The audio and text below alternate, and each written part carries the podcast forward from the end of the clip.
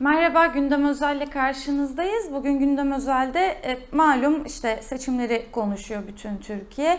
E, bizler de biraz anlamaya çalışıyoruz. İkinci tura giderken de elbette e, hem neler oluyor, bitiyor meselesini anlamak biraz daha e, önemli bir hale, kritik bir hale geliyor. E, hem de önümüzdeki dönemi de anlayabilmek için biraz seçim tablosu, sandıktan çıkan tablo ne gösterdi meselesinde e, açmakta yarar olduğunu düşünüyoruz. E, bugünkü konuğumuz siyaset bilimi doktoru Ayşegül Kars Kaynar. Merhaba Ayşegül Hanım, hoş geldiniz. Merhaba, hoş bulduk. E, şimdi e, izleyenlerimiz aslında hatırlayacaklardır. Seçim akşamı da sizinle bir bağlantı yapmıştık. Daha henüz sonuçlar yeni yeni e, açılıyordu sandıklar. E, bir e, elbette bir öngörmek açısından çeşitli yorumlar vardı. Bir o tablo oluşmaya başlamıştı. Şimdi biraz da hem o akşamı düşünüp hem de e, bugünden bakınca açıklanan tabloya bakınca e, önce şuradan başlayalım isterim ben. Hem biraz sıcak konu da bu çünkü. E, şimdi seçim yayınında da aslında sizin dikkat çektiğiniz bir durum vardı. E, diyordunuz ki İstanbul'da yaşananların büyük boyutlu yaşandığını görüyoruz bu akşam. E, yani bu işte o sandıklara e, yavaşlatma diyelim oyları tekrar tekrar saydırma ve benzeri e, meselelerle ilgiliydi bu yorumunuz. Ama sanıyorum artık görünen o ki çok çok daha büyüğünü yaşamışız meğerse biz o akşam öyle mi? Evet öyle. O gece itibariyle yani 14 Mayıs gecesi itibariyle net olan şey muhalefet oylarının fazla olduğu yerlerde sistematik bir şekilde e, AKP'nin müdahalesiyle birlikte oyların YSK'ya yansımaması için oyların yeniden yeniden tedbiren diyelim ki saydırılması ve böylece oy oranlarının muhalefetin oy oranlarının düşük yansımasıydı ve buradaki burada asıl e, hedeflenen de kamu algısını ve kamuoyunun algısını yönetmek olduğunu görmüştük. Fakat dediğiniz gibi e, iki gün sonra özellikle e, Cumhuriyet Halk Partisi'nin seçim sisteminde oy sisteminin açılmasıyla birlikte e, elde bulunan ıslak imzalı tutanaklarla YSK'ya yansıyan oy oranlarını, sandık e, hesaplarını, oy o, hesaplarını görme imkanına eriştik ve işte o noktada da e, oyların kaydırıldığını e, tespit etmek mümkün oldu.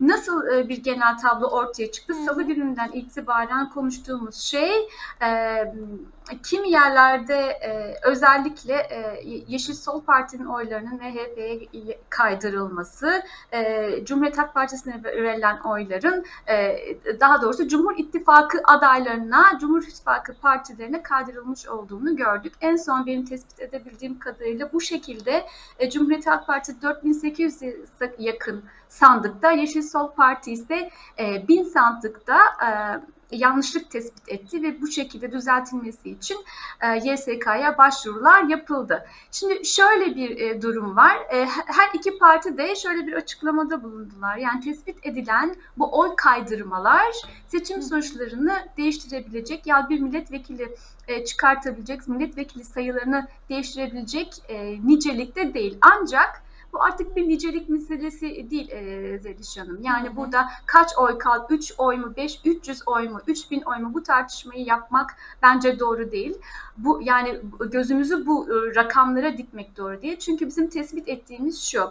Bu bir hatadan kaynaklanmıyor. Yani tek bir sandıkta, tek bir tutanakta yapılan bir şey değil. Sistematik olarak kimi partilerden yine sistemli olarak başka kimi partilere, belli partilerden belli partilere oylar kaydırılmış durumda. Yani bu bunun biraz daha sistemli bir müdahale olduğu artık görülüyor. O yüzden bu niceliksel bir şey değil, niteliksel bir şey. Bunun bence biraz soruşturulması yapılmalı. Bunun soruşturulması için başvurularda bulunması lazım. Evet. Ee, peki o zaman yine o akşam bir tespitiniz vardı. Oradan devam edelim isterim. Ee, şimdi o tam o yavaşlatma meselelerinde aslında şunu demiştiniz. Yani 20 yıllık iktidar bloğunun bir anda e, yani sandıkla bırakacak olmasını e, beklemiyorduk zaten. Beklenmemeliydi de demiştiniz. E, biraz bu çıkan sonuçlarla beraber de bunu mu görüyoruz? Yani o bir anda ve kolayca bırakmama hali midir bu? Aslında şu, bir iktidar ister 20 yıl iktidarı elinde, bir parti ister 20 yıl ister 30 yıl iktidarı elinde bulundursun ki bu zaten kendi başına demokratik olmadığını da göstergesidir. Yani demokrasinin dizaynı şudur. 4 yılda 5 yılda seçimlerin yapılmasının sebebi de aslında budur. Herhangi bir parti e, halkın iktidar, halkın e, iradesini yansıtıyor ise o değişir. Çünkü halkın istekleri değişmektedir, iradesi değişmektedir, arzuları değişmektedir ve halk her zaman çeşitlidir. Halk her zaman heterojendir. Homojen bir yapı değil. Modern toplumların özelliği bu. Halkın çeşitlilik arz etmesi, heterojen olması. Bu heterojenliğin de e, yan, iktidara yansıması için bu aslında seçimleri yapıyoruz. O yüzden herhangi bir iktidar zaten 20 herhangi bir parti 20 yıllık iktidar iktidardaysa bu kendinde demokratik olmayan bir yapı ortaya çıkarıyor. Şimdi böyle bir e, partinin birincisi kural şu. Seçimlerle gitmesi kuraldır. Hani seçimlerle gitmesini beklemiyoruz derken aslında şundan bahsediyoruz. Elbette onun için zor olacağını söylemek istedik burada. Yoksa seçimlere elbette riayet edecektir. E, bütün demokratik güçler seçim sonuçlarına riayet etmesi için e, bu yolda onu zorlayacaktır. Fakat bu seçimlerde yapılan biraz önce söylediğim gibi usulsüzlükler yani bunu artık dediğim gibi bir hata değil bir usulsüzlük olması da evet bu bu, bu şekilde bir şüphe e, artık yaratıyor. Çünkü dediğim gibi bu nicelik değil bir nitelik meselesi ve seçimlerin meşruiyetinde bir e, gölgeleyen bir olay olduğunu söyleyebiliriz. Evet. Ee, peki yine o zaman e, sizin bir tanımınızla devam etmek isterim. E, devletin ve toplumun kılcal damarlarına kadar e, girebilmiş bir iktidardan söz ediyoruz demiştiniz. Yani tüm bunların e, toplamı işte o damarlara iyice yerleşmiş olmasıyla ilişkiliyse eğer bu nasıl kırılabilir? Şimdi önce e, biraz daha bu e, herhangi bir e, partinin uzun süre iktidarda kalması neticesinde hakikaten çeşitli anomaliler yani beklenmeyen, demokratik açıdan beklenmeyen şeyler ortaya çıkıyor. Bunlardan bir tanesi de parti ve devletin birbirine iyice yaklaşması ve bütünleşmesi. İşte biz aslında 20 e, yıllık AKP iktidarı sonucunda böyle bir bütünleşme görüyoruz. Yani parti ile devleti birbirinden ayırmak hakikaten birbirinden çok daha zorlaştı. Bunun neticesinde son dönemlerde e, Türkiye'de analizi yaparken artık Türkiye'den demokratik devlet olarak bahsedilmiyor. Şimdi aslında Türkiye'den çok uzun zamandır demokratik devlet olarak bahsedilmiyor. Çünkü bundan yaklaşık 20 yıl öncesine baktığımızda da bir askeri demokrasi olarak bahsediliyordu. Askerin e, olmaması gereken, kullanmaması gereken siyasi iktidar ve müdahalelerde bulunduğu için. Ancak e, artık e, 2015 sonrasında tamamen yerleşmiş olan bir tabirle hibrit rejimdir. Yani Türkiye'deki e, yarı otoriter yahut e, yarışmacı otorite olarak anla, e, adlandırılan bir yapıya sahip. Bu gibi otoriter devletlerde seçimlerin e, seçimler tahlil edilirken şöyle bir şey kanıksanarak söylenir. E, otoriter diğeri otoriter rejimlerde yahut hibrit e, rejimlerde artık seçimler ad, adil değildir. Zira e, bu devletle bütünleşmiş olan e, parti e, bu adaleti bozar, devlet iktidarını kullanır, devlet otoritelerini kullanır, medyayı egemenliği altına almıştır, askeri güçleri e, görece olarak yine egemenliği altında tutar ve adil yarış olması beklenmez. Ancak yine de seçimler serbest seçimler olarak e, yapılır. Şimdi Bizde de böyle bir durum var. Biz de seçimlerin demokratik yapısı üzerine e, düşünürken yahut seçimler üzerine düşünürken adil seçim nosyonunu tamamen geride bıraktık. Yani bunu düşünmüyoruz bile. Bunu biraz daha ben sorgulamak istiyorum ileri konuşmanın ileriki dakikalarında. Serbest seçimler olmasına e, odağımızı kaydırmış durumdayız. Biraz önce sizin sorunuzla ilgili devletin kılcal damarlarına kadar işlemiş olduğunu nerede görüyoruz? İşte bu seçim kampanyaları dönemlerinde de bunu görüyoruz. Şimdi e, Mesela e, şeye baktığımızda yani kanunlara baktığımızda Cumhurbaşkanlığı seçim kanununda sizin de bildiğiniz üzere Cumhurbaşkanlığı adayları devlet tarafından yardım almazlar. Bu yüzden devlet iktidarında, devlet e, otoritelerinde bu seçim kampanyalarında kullanmamaları gerekir. Ancak biz çok yoğun bir şekilde e, Cumhurbaşkanı Erdoğan tarafından kamu kaynaklarının kullanıldığını gördük ve seçim ihlallerinin de seçim e, propagandasının da e, seçim kanunu ihlal eder bir şekilde kullanıldığını e gördük. Çünkü Bunlardan... şu, şununla ilişkili değil mi? Aynı zamanda kendisi e, iktidardaki partinin genel başkanı. Tabii öyle ancak yine de mesela e, en son gün yapılan Ayasofya'daki e, e, hitap diyelim. Bu aslında e, seçim yasaklarının devreye girdiği dakikadan sonra yapılmış olan bir şey. Tabi burada dediğiniz gibi e, o kadar birleşmiş durumda ki e, ele aldığımız kişi hem Cumhurbaşkanı hem yeni Cumhurbaşkanı adayı yani seçimlerde de aynı zamanda yarışan bir aday, aynı zamanda partili de Cumhurbaşkanı, bir partinin de lideri. Bütün bunlara rağmen yine de seçim yasakları bitmiş olduğu bir dakikada bir camide ibadet eden cemaate karşı yapılmış olan bu konuşma bir ihlaldir. Yani çünkü siz orada çok çeşitli kimlikleriniz olmasına rağmen siz yeni bir cumhurbaşkanı adayısınız. Yine son dönemde kamu kaynaklarının e, tek bir kişi tarafından diğer e, adayların aleyhine kullanılmasında şöylesi örnekler var. Son e, bir hafta içerisinde devlet kurumlarının açılış törenlerine Cumhurbaşkanı'nın katılması ve orada halka hitap etmiş olduğunu görüyoruz. E, ve yine medyada biraz e, e, bahsetmek gerekir. Medyada e, temsildeki adaletsizlikten bahsetmek gerekir. Ben hemen e, iki gün önce yayınlanmış olan Agit raporuna biraz e, sizden bahsetmek istiyorum. E, Agit raporunun yani çok kapsamlı bir e, rapor. Seçim öncesindeki, seçim günü öncesinde analiz ediyor, seçim gününde analiz ediyor ve şöyle bir tablo e, bize sunmuş. E, Radyo Televizyon Kurumu, e, TRT ve TRT Haber ağırlıklı olarak tek bir kişiye yer vermiş ve %44 ile %55 arasında yaptığı yayınlarda sadece Cumhur İttifakı ve e, Cumhurbaşkanı Erdoğan'a yayınlarını ayırmış. Bu son derece büyük bir rakam. Yani yaptığınız e, seçim yayınlarının %50 gibi bir oranı tek bir kişiye ayırıyorsunuz. E, diğer e, özel kanallardan da bahsetmiş. Kimi özel kanallar e, e, sadece e, sadece e, Cumhur İttifakı'na yer veriyorlar ve Millet İttifakı'ndan bahsettikleri haberlerin hemen hemen hepsi olumsuz e, düzeyde. Emek ve e, Hürriyet İttifakı'na ise çok daha düşük bir düzeyde e, Evet, yer Emek Özgürlük. İttifakı. Evet, Emek ve Özgürlük İttifakı'nın son derece düşük bir düzeyde yer ayrıldığını görüyoruz. Hani söylemek istediğimiz şeylerin aslında çok çok ufak düzeyde şeyi bu. Yani devlet ve parti birleşirse, birlikte hareket etmeye başlarsa yahut bir parti iktidarı yüksek derece yıllar boyunca elinde bulundurur ve o dediğim kılcal damarlara yerleş, yerleşmeye başlarsa medyada temsil, harcamalarda şeffaflık, bütçede eşitlik gibi aslında bizim seçimlerde olması gereken, demokratik bir seçimde olması gereken e, unsurların hiçbiri e, gerçekleşmemiş oluyor. Şimdi e, bir noktada bir öz eleştiri olarak da şunu vurgulamak da lazım. Biz halk e, halk diyelim, halk olarak ve muhalefet olarak da e, işin bu kısmını biraz es geçtik. Hani 14 Mayıs seçim gözlemi ve analizi yapacak ol- olursak seçimler adil gerçekleşiyor mu?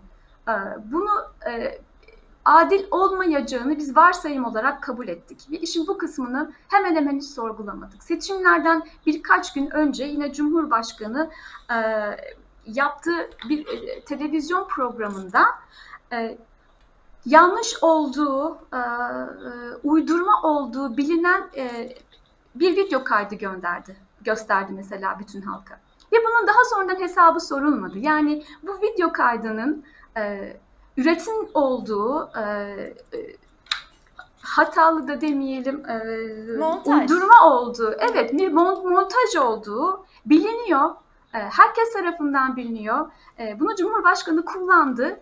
Ancak bundan daha sonra bunun üzerine gitmedik. Toplum olarak da gitmedik, muhalefet olarak da gitmedik ve bunun hesabını sormadık. Sanki şöyle bir e, durum ortaya çıkmış. Bizde serbest seçim dediğimiz şey halka serbest bir şekilde yalan söylenebildiği anlamına gelmez. Bu anlama gelmiyor. Fakat burada bir nevi e, halka yalan söylemenin bir yaptırımı da yok. Bu yaptırımı sadece e, hukuki yaptırım olarak anlamayalım. Bu bunun bir siyasi yaptırımı da olmalı. Bunun kamu e, kamu gözünde de bir yaptırım olmadı. Fakat gördüğünüz şey şu bizde de 14 Mayıs seçimlerinde de seçimlerin adaletiyle ilgili adil seçim olmayacağı ile ilgili bir kanıksama var. İşin bu kısmına hiç dokunmuyoruz.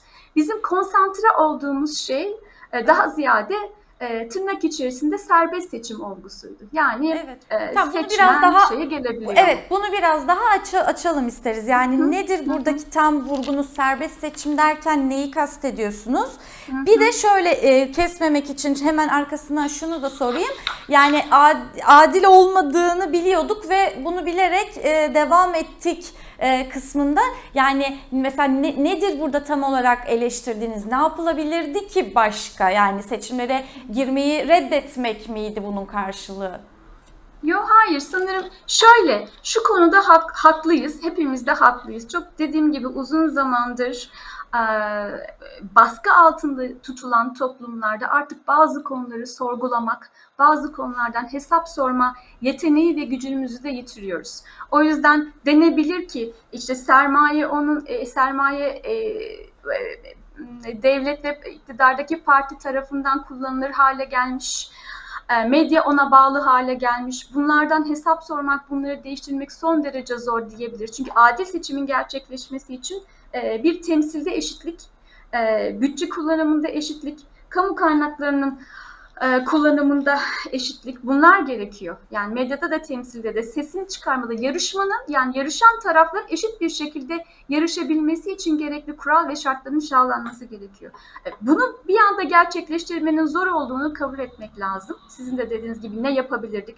Bu hani seçim e, seçimden çekilmek vesaire anlamında değil. Ancak bunun böyle olmadığı zamanlarda daha yüksek bir itirazın gelmesi gerek. Şimdi Salı günü akşam yaşanan e, itirazların düzeyini düşünelim değil mi? E, oyların kaydırıldığı ortaya çıktıktan sonra hakikaten e, yaklaşık 1-2 saat içerisinde çok büyük bir e, kamu tepkisi geldi. Kamuoyundan halktan çok büyük bir tepki geldi ve bir açıklama yapmak zorunda bırakıldı. Bütün taraflar yani e, bütün parti teşkilatlarından e, halka bu sorular karşısında, bu durum karşısında bir açıklama yapma gereği geldi. Şimdi aynı tepki e, seçim adaleti sağlanmadığında gelmiyor. Bunu asıl vurgulamak istemiştim. Yani Ayasofya'da e, ibadet eden e, cemaate, ida- ibadet eden halka e, siyasi mesaj verildiğinde aynı tepki bu olamaz. Yani bunun olmaması lazım. Yahut bu olduğu zaman bunun dediğim gibi hukuki olmasa bile çünkü hukuki yaptırım gücünü kaybettiğimizi yine şey yapıyorum yani bunu teslim ediyoruz. E, egemen yani e, sivil topluma yanıt vermediğini, halka ya- yanıt vermediğini hukukun e, biliyoruz. Bu yüzden böyle bir şey söylemiyorum. Ancak bir kamuoyu oluşturma ve bu şekilde bir demokratik tepki vermenin zayıf olduğunu söylemek istedim. Aynı şekilde karşılanmıyor. E, Yani Evet. salı gün salı günü seçim güvenliği se- e, oyların e, kaydırıldığı ortaya çıktıktan sonra verilen tepki başında verilmiyor. Başka bir ifadeyle e, ifade edecek olursak seçmenlerin üzerinde seçmenlerin görüşleri ve iradeleri üzerinde baskı kurulurken, tahakküm altına alırken biz fazla ses çıkartmıyoruz. Ama tahakküm altındaki seçmen düşüncelerini oluşturduktan sonra oyunu kullanıyor. Bu oyun sayım aşamasındayken biz ses çıkartmaya başlıyoruz.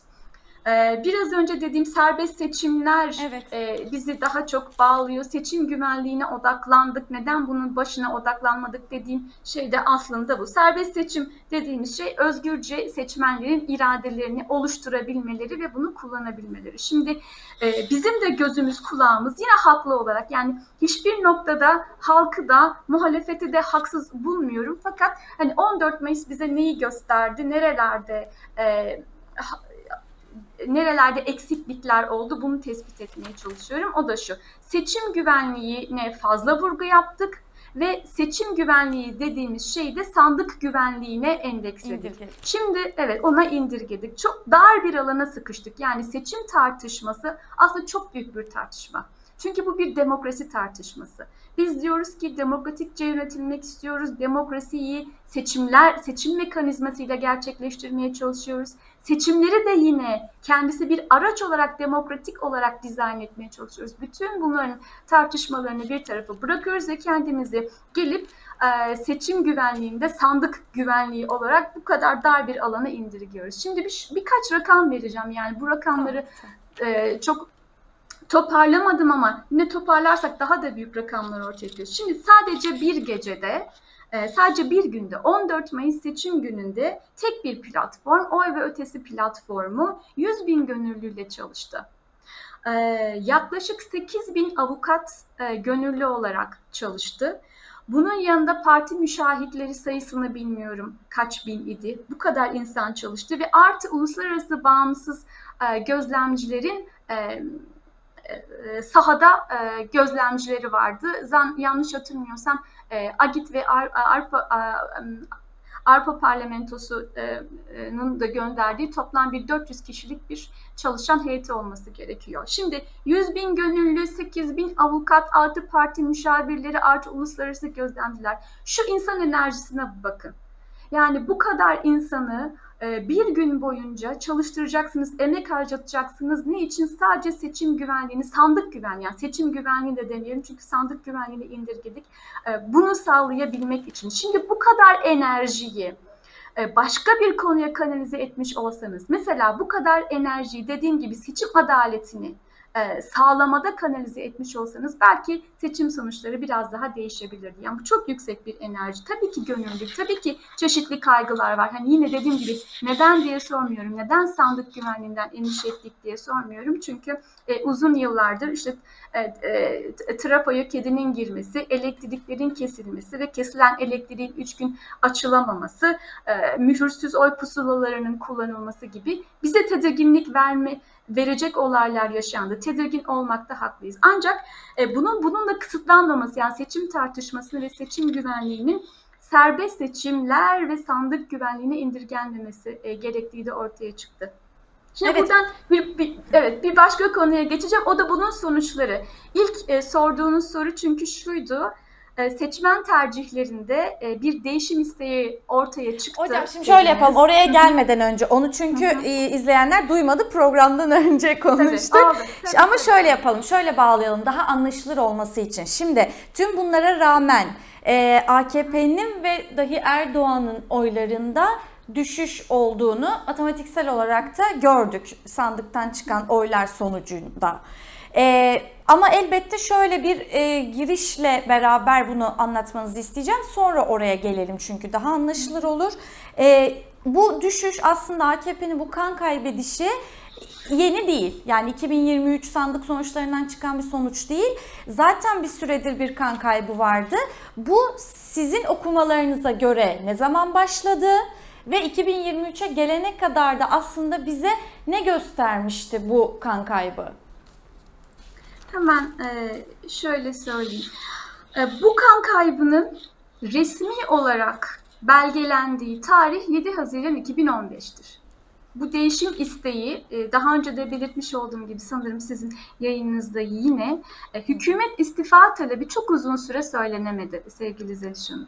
E, 2002'den yaklaşık 2013'e kadar tam olarak dillendirilemedi. Ancak ilk olarak 2013 Haziran'ında hükümete net bir şekilde halk hükümet istifa talebini yüksek bir sesle söyledi. Gezi olaylarından, e, gezi olayları neticesi e, olaylarında ki, ki bu e, gezi protestoları Haziran'dan başladı Eylül ayına kadar yurt çapında sürdü. Yani bu bir lokal bir şey değildi, tek bir kesimin bir talebi değildi. Bu değişim talebi tüm, tüm toplum tarafından benimsenen bir talepti.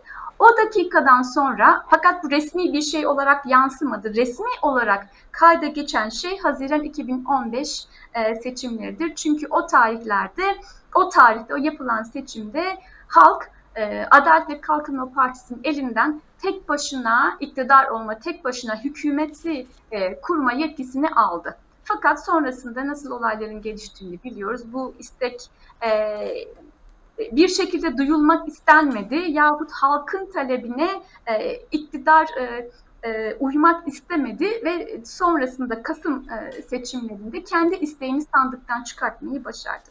Şöyle bir genelleme yapabiliriz. Daha öncesi de var. Yani e, güvenlik güvenlikleştirme politikaları Türkiye'de uzun zamandır vardır. Yani e, bu e, 2015'te başlayan bir şey değildir. Ancak yoğun bir şekilde yine bu güvenlikleştirme politikalarına dönüldü. Terör söylemi e, kendisini gösterdi ve dayattı ve e, nihayetinde 2015 sonrasında e, bozulan denge 2016'da bir başarısız darbe girişimi ve resmi o, olağanüstü hal ilanıyla birlikte kendisini daha da e, kötüleştirerek durumu demokratik demokratik e, toplumu daha da ezerek ve durumda daha da kötüleştirerek e, kendisini gösterdi. Şimdi şöyle bir şey denebilir.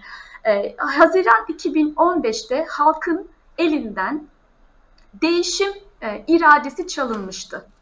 E, işte e, tekrar yani e, 2015'ten bu yana halk e, bu iradeyi tekrar gösterememişti diyebiliriz biz genel seçimlerde ama ilk kez bu seçimlerde e, yeniden e, bu iradesini ortaya koydu ve ilk kez e, Cumhurbaşkanı Erdoğan'ın e, oy oranı 150'nin altına indi. O yüzden bu süreci bu şekilde e, yani kısaca bu şekilde okuyabiliriz resmi sonuçlar e, üzerinden. E, bir diğer Evet. sorunuzu Evet hemen edelim. şöyle e, şimdi tam oradan da işte şuraya bağlayalım istiyorum. E, bu değişim iradesi peki tamam e, sandıkta da ortaya konmuş oldu gösterilmiş oldu. Ama bir yandan da şöyle bir tablo da çıktı önümüze. E, bir taraftan işte yeniden refahın e, aldığı oy oranları işte meclise gönderdiği vekil sayıları bir tarafta MHP'nin e, şunu parantez içinde ortaya koyarak elbette yani pek çok e, çalınan oy var. Yani bu artık iddia olmayı da geçti. En azından kaydırma diyelim resmi adı kaydırma oldu bunun. E, özellikle bölge illerinde Yeşil Sol Parti'den e, MHP'ye kaydırılmış pek çok oy olduğu kanıtlandı zaten. Bu oylar geri verildi. Bunun başka ne kadar olduğunu bilmiyoruz ama yine de şu sanırım söylenebilir e, bir e, aralığı koruyor yine de MHP. E, şimdi bu gerçekliği de görerek e, ama işte bir yandan Sinan Oğan'a giden oyları da görerek evet bir değişim ortaya kondu ama öbür tarafta da bu gelişmeler varken halk bu değişimi ne yöne doğru kullandı? Şöyle dediğiniz e, çok doğru. E, son iki gündür yapılan analizler e, Türkiye tarihinin en sağcı meclisinin oluştuğunu bize gösterdi. Yani e, bir tarafta Adalet ve Kalkınma Partisi, bir tarafta yine de Millet İttifakı içinde bulunmasına rağmen İyi Parti, bir tarafta MHP'nin dediğiniz gibi oy oranı hakkında son derece şüpheli olsak da çıkartmış olduğu belli bir milletvekili e, sayısı var. E, ve özellikle bunu özel e, vurgulayacağız ve bunun e, bunu da tartışacağız. AKP listelerinden e, meclise girmiş olan e, Hüdapar milletvekilleri ve bu parti ve en sonunda yeniden Refah Partisi. E, bu tablo hakikaten bize e, neyi öngöremedik, e, nerede e, bir eksiklik oldu. E, zira e, seçim öncesinde yapılan yorumlar, çizilen tablo ile seçim sonrasında ortaya çıkan tablo arasında hakikaten bu noktada yani e, radikal sağın, radikal milliyetçiliğin e, yükselmesini ölçmek, yükselmesini görmek e, arasında büyük eksiklikler yaşandığını gösteriyor. Şöyle bir şey olabilir. Biz seçim öncesini nasıl okumaya çalıştık? Genel olarak anketlerle. Ee, belki de bu anket yapma sürecine ve anketlere güvenme sürecine biraz daha e, temkinli bakmak lazım. Çünkü sağ seçmen e, çok rahat konuşmayabilir, anketlere cevap vermeyebilir, anketlere doğru cevap da vermeyebilir. Yani o e, çekingenlik, mikrofonu görünce yahut başka biriyle konuşmaya e, başlayınca e, kendi tercihini dile getirmek istememiş olabilir. Yahut anketler bu oyların çıktığı insanlara ulaşamamış olabilirler. Yani bizim tabloyu okumamızda böyle bir eksiklik olmuş olabilir. Bir ikinci ihtimal bu radikal sağın ve milliyetçiliğin yükselmesi bu sefer iktidara bir tepki de olabilir. Yani iktidarın güttüğü politikaları yeterli görmemek, bir adım ötesine gitmeye çalışmak e, bu da olabilir. Ama bunlar yine de tahmin. Ben e, şu şeyde yine e, görüşümü e, söylemek istiyorum. Şunu vurgulamak istiyorum. E, asıl e, belki de yine sorgulamamız olan şu. Sorgulamamız gereken şey şu. E, bu insanların e, sağ e, radikal sağı destekleyecek şekilde tercihlerinin oluşmasında etkili olan şeyler nelerdir? Ve yine bu adalet ve e, seçmen tercihlerinin, seçmen oylarının, seçmen iradesinin domine edilmesi, e, tahakküm altına alınması noktasına geliyorum. Yani e, belki bu e, medya aracılığıyla, kamu kaynaklarının dağıtılması e, aracılığıyla e, bu kadar tek yanlı bir siyaset, tek yanlı görüşler toplanmamış olsaydı e, yüksek e, bu kadar fazla e, sağ seçmenin de e, yükseliyor olmadığını belki de görebilecektik. Ama şunu ben sorgulatmak istiyorum özellikle.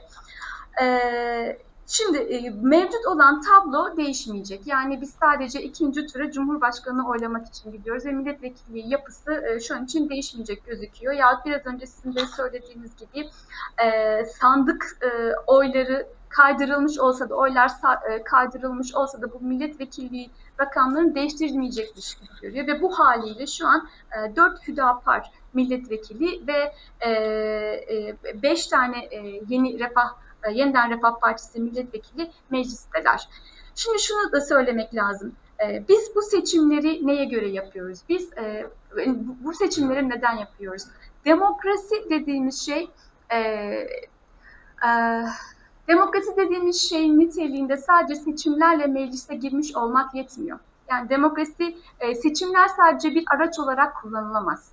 E, demokrasi e, dediğimiz şeyin içerisinde demokratik normlar ve bunların kabul edilmiş olması gerekiyor. Şimdi Hüdapar ve Yeniden Refah Partisi'nin e, parti programlarına baktığımızda ise demokratik normların karşısında olan bunlara açık bir şekilde e, muhalefet eden çeşitli şeyler var. Bunlar birçok şekilde dile getirildi. E, bunlardan mesela e, e, Yeniden Refah Partisi kadın erkek eşitliğini kabul etmez. Kadınlar ve erkekler arasındaki ilişkinin bir tamamlayıcılık ilişkisinin olduğunu söyler. Ve buna göre de çeşitli e, adımlar atılacağını, özellikle eğitime son derece e, e, önem Yeniden Refah Partisi. Ve bu e, tamamlayıcılık, yeniden söyleyeyim eşitlik değil, tamamlayıcılık ilkesine göre ahlak ve maneviyatı güçlendirecek şekilde bir eğitim reformunun olduğundan bahseder. E, şimdi bu e, bu şekilde bir parti programı olan e, bir parti aslında nüfusun yüzde ellisinin eşit olmadığını söylüyor. Yani kadınlar nüfusumuzun yüzde e, ellisi. Yani nüfusun yüzde ellisinin diğer kalan yüzde ellisiyle eşit olmadığını söyleyen bir parti var. Yine Hüdapar'ın parti programına baktığımızda ise e, imam nikahına resmi statü verileceğini, zinanın ve kendi e, tabiriyle e, cinsel sapıklık olarak adlandırdığı ki burada LGBT bireylerden bahseder. Bunların suç olacağını söyleyen bir parti programı var. E, karma eğitimden vazgeçileceğini ve eğitimin her kademesinde yani okul öncesinden üniversiteye kadar olan eğitimin her kademesinde karma eğitimden vazgeçilip kadın erkeklerin birbirinden ayrılacağını söyleyen bir parti programı var. Şimdi şunu söyleyebiliriz yani muhafazakarlık ya muha- muhafazakar söylemler bunlar ideolojik olarak başka partiler tarafından da benimsenmiş olabilirler. Ancak ilk kez burada yani Hüdapar'ın ve Yeniden Refah Partisi'nin parti programlarında var. Yani diyorlar ki bu iki parti biz e, e, iktidara gelirsek, kendi programlarımızı uygularsak eşitliği yok edeceğim, e, demokratik normları hiçe sayıyorum ve demokrasiyi yok edeceğim diye e, diyen bir parti, e, iki tane parti var. Ve bunlar meclise girdiler. Şimdi asıl demokratik meşruiyet anlamında sorgulanması gereken şey bu. E, demokrasi dediğimiz şey sadece seçimleri bir aracı olarak kullandım ve bu ben aracı kullanarak meclise girdim ve artık çok demokratiyim demek e, anlamına gelmiyor. Bu tartışmayı nerelerde yaptık? Dünya üzerinde nerelerde yapıldı derseniz aslında şu an 1930'larda Almanya'da e, Nasyonal Sosyalist Parti'nin e, parlamentoya girmesi ve e, hükümet kurması ile ilgili yapılan tartışmanın aynısını yapıyorum. Yani size ben iktidara geldiğimde eşitliği, özgürlüğü e, ortadan kaldıracağım e, toplumun belli bir kesiminin eşitliğini sileceğim ve onu ayrımcılığa maruz bırakacağım diyen bunu parti programına yazan bir parti demokratik yollarla e, başa geldi diye bu meşru kabul edilebilir mi? Bu tartışmanın aynısını aslında e, şu an yapıyorum. Hüdapar'ın milletvekilliği ve Yeniden Refah Partisi'nin milletvekilliği sadece bu partinin milletvekilleri seçimler yoluyla geldi diye demokratik olarak adlandırılabilir. Bunu, bu sorunun yanıtı yine tarihten aldığımız derslerle çok net bir şekilde e, olumsuz. Yani önümüzdeki önümüzdeki süreçte biz şu an hala Cumhurbaşkanlığı seçimlerine ve onların e, onların yansımalarına odaklanıyor durumdayız. Ancak e, seçimler ilk ve son değil Zeliş Hanım. E, Sözlerimi böyle birbirine bağlayarak e, götüreceğim. E, Bundan yaklaşık 10 ay sonra bir seçim daha var. E, 2024 seçimler var. Mart ayında yerel seçimler geliyor. Çok hızlı bir şekilde geliyor. Yani o seçime de hazırlanmak için son derece e, e, kısa bir e, süre var. Belki 2024'ten sonra kim bilir belki bir erken genel seçim ya tekrar genel seçimler son derece e, hızlı ve dinamik bir şekilde seçim süreçleri devam edecek. Seçimlere odaklandığımız kadar demo, seçimlerden ne bekliyoruz? Biz seçimleri demokrasi getirmesi için yapıyoruz. Bunu, bunu biraz daha geniş çapta sorgulamak lazım ve önümüzde tüm e, halk için son derece büyük bir mücadele alanı duruyor. O da şu, demokratik meşruiyeti olmayan, hiçbir demokratik meşruiyet taşımayan seçimlerle gelmiş olması ona demokratik meşruiyet vermeyen milletvekillerinin ve bu partilerin icraatları son derece yakından takip edilmeli ve bunlara geçit verilmemesi gerekiyor. Bu demokratik toplum güçlerinin en baştaki mücadele alanı olarak karşımıza e, çıkacaktır. Şimdilik Evet. e, bu konuyla söyleyebileceğim bu. Evet, e, peki toparlarken e, şunu da soralım elbette. 28 Mayıs'ta Cumhurbaşkanlığı seçimleri olacak. Recep Tayyip Erdoğan'la Kemal Kılıçdaroğlu arasında gerçekleşecek bu seçimler ve işte tüm bu konuştuklarımızı oluşan bu parlamentoyu da düşündüğümüzde e, 28 Mayıs'ta Cumhurbaşkanlığı seçimlerinin ikinci turuna sizce nasıl gidilmeli? Vatandaş burada neyi düşünerek hareket etmeli? Ee, şöyle bu soruyu yaklaşık 2-3 gün önce konuşuyor olsaydık daha siyasi içeriği olan, daha siyaset politikalarına dayalı bir cevap e, üretmek mümkün olabilirdi. O da e, her iki e, e, adayın öne sürmüş oldukları yahut vaatleri, siyasi vaatleri üzerinden e, işte e, göçmenler konusunda şu şekilde düşünenler bu adaya, farklı düşünenler bu adaya oy, verecektir. E, yahut e, ekonomi politikası konusunda şu şekilde düşünenler bu adaya, farklı düşünenler diğer adaya oy verecektir demek mümkün olabilirdi. Ancak son iki günde özellikle Kemal Kılıçdaroğlu'nun e, söyleminde söyledikleri yahut e, önerdiği e, politikalarla aslında şu netleşti. E, istenilen bir şeydir yahut istenilmeyen bir şeydir ama genel olarak tabloyu bu şekilde okuyorum. Artık e, 28 Mayıs e, bir kamuoyu yoklamasına ve referanduma dönüştü. O referandumun da aslında tek bir ismi var. O da e, Cumhurbaşkanı Recep Tayyip Erdoğan. Yani Cumhurbaşkanı Recep Tayyip Erdoğan ve onun güttüğü politikaları onaylıyor musunuz, onaylamıyor musunuz? Bu biraz bu e, şeye düştü. Bu ayrımı da şu şekilde yine okuyabiliriz. E, değişim taraftarı olanlar ve statükocu olanlar, statüko taraftarı olanlar. Bu artık biraz bu şeye e, evrilmiş durumda. Yani değişim değişim taraftarı olanlar e, bir şekilde Kemal Kılıçdaroğlu'nu destekleyecek. Yine dediğim gibi yani şu politika bu politik al- alanında önerdikleri artık ikinci plana düşmüş durumda. Statüko taraftarı olanlar ise e, diğer adayı destekleyecekler. E, biraz daha dediğim gibi biraz daha girift, biraz daha kompleks, biraz daha siyasi politika politika önerilerinin farklılaştığı bir analiz yapmak isterdim ama e, sanırım e, son iki gündeki dönmüş olduğumuz e, dönemiş bize e, evet hayır siyah beyaz e, gibi bir tercih bırakıyor. Gri alanın e, ortadan kaybolmaya yüz tuttuğu bir e, sürece doğru ilerliyoruz. Evet peki çok teşekkür ediyoruz. Vakit ayırdınız değerlendirmeleriniz Ben teşekkür için. ederim. Kolaylıklar diliyorum sizlere. Çok teşekkür ediyorum size de başarılar. Çok sağ olun. Evet gündem özelin sonuna geldik. Görüşmek üzere.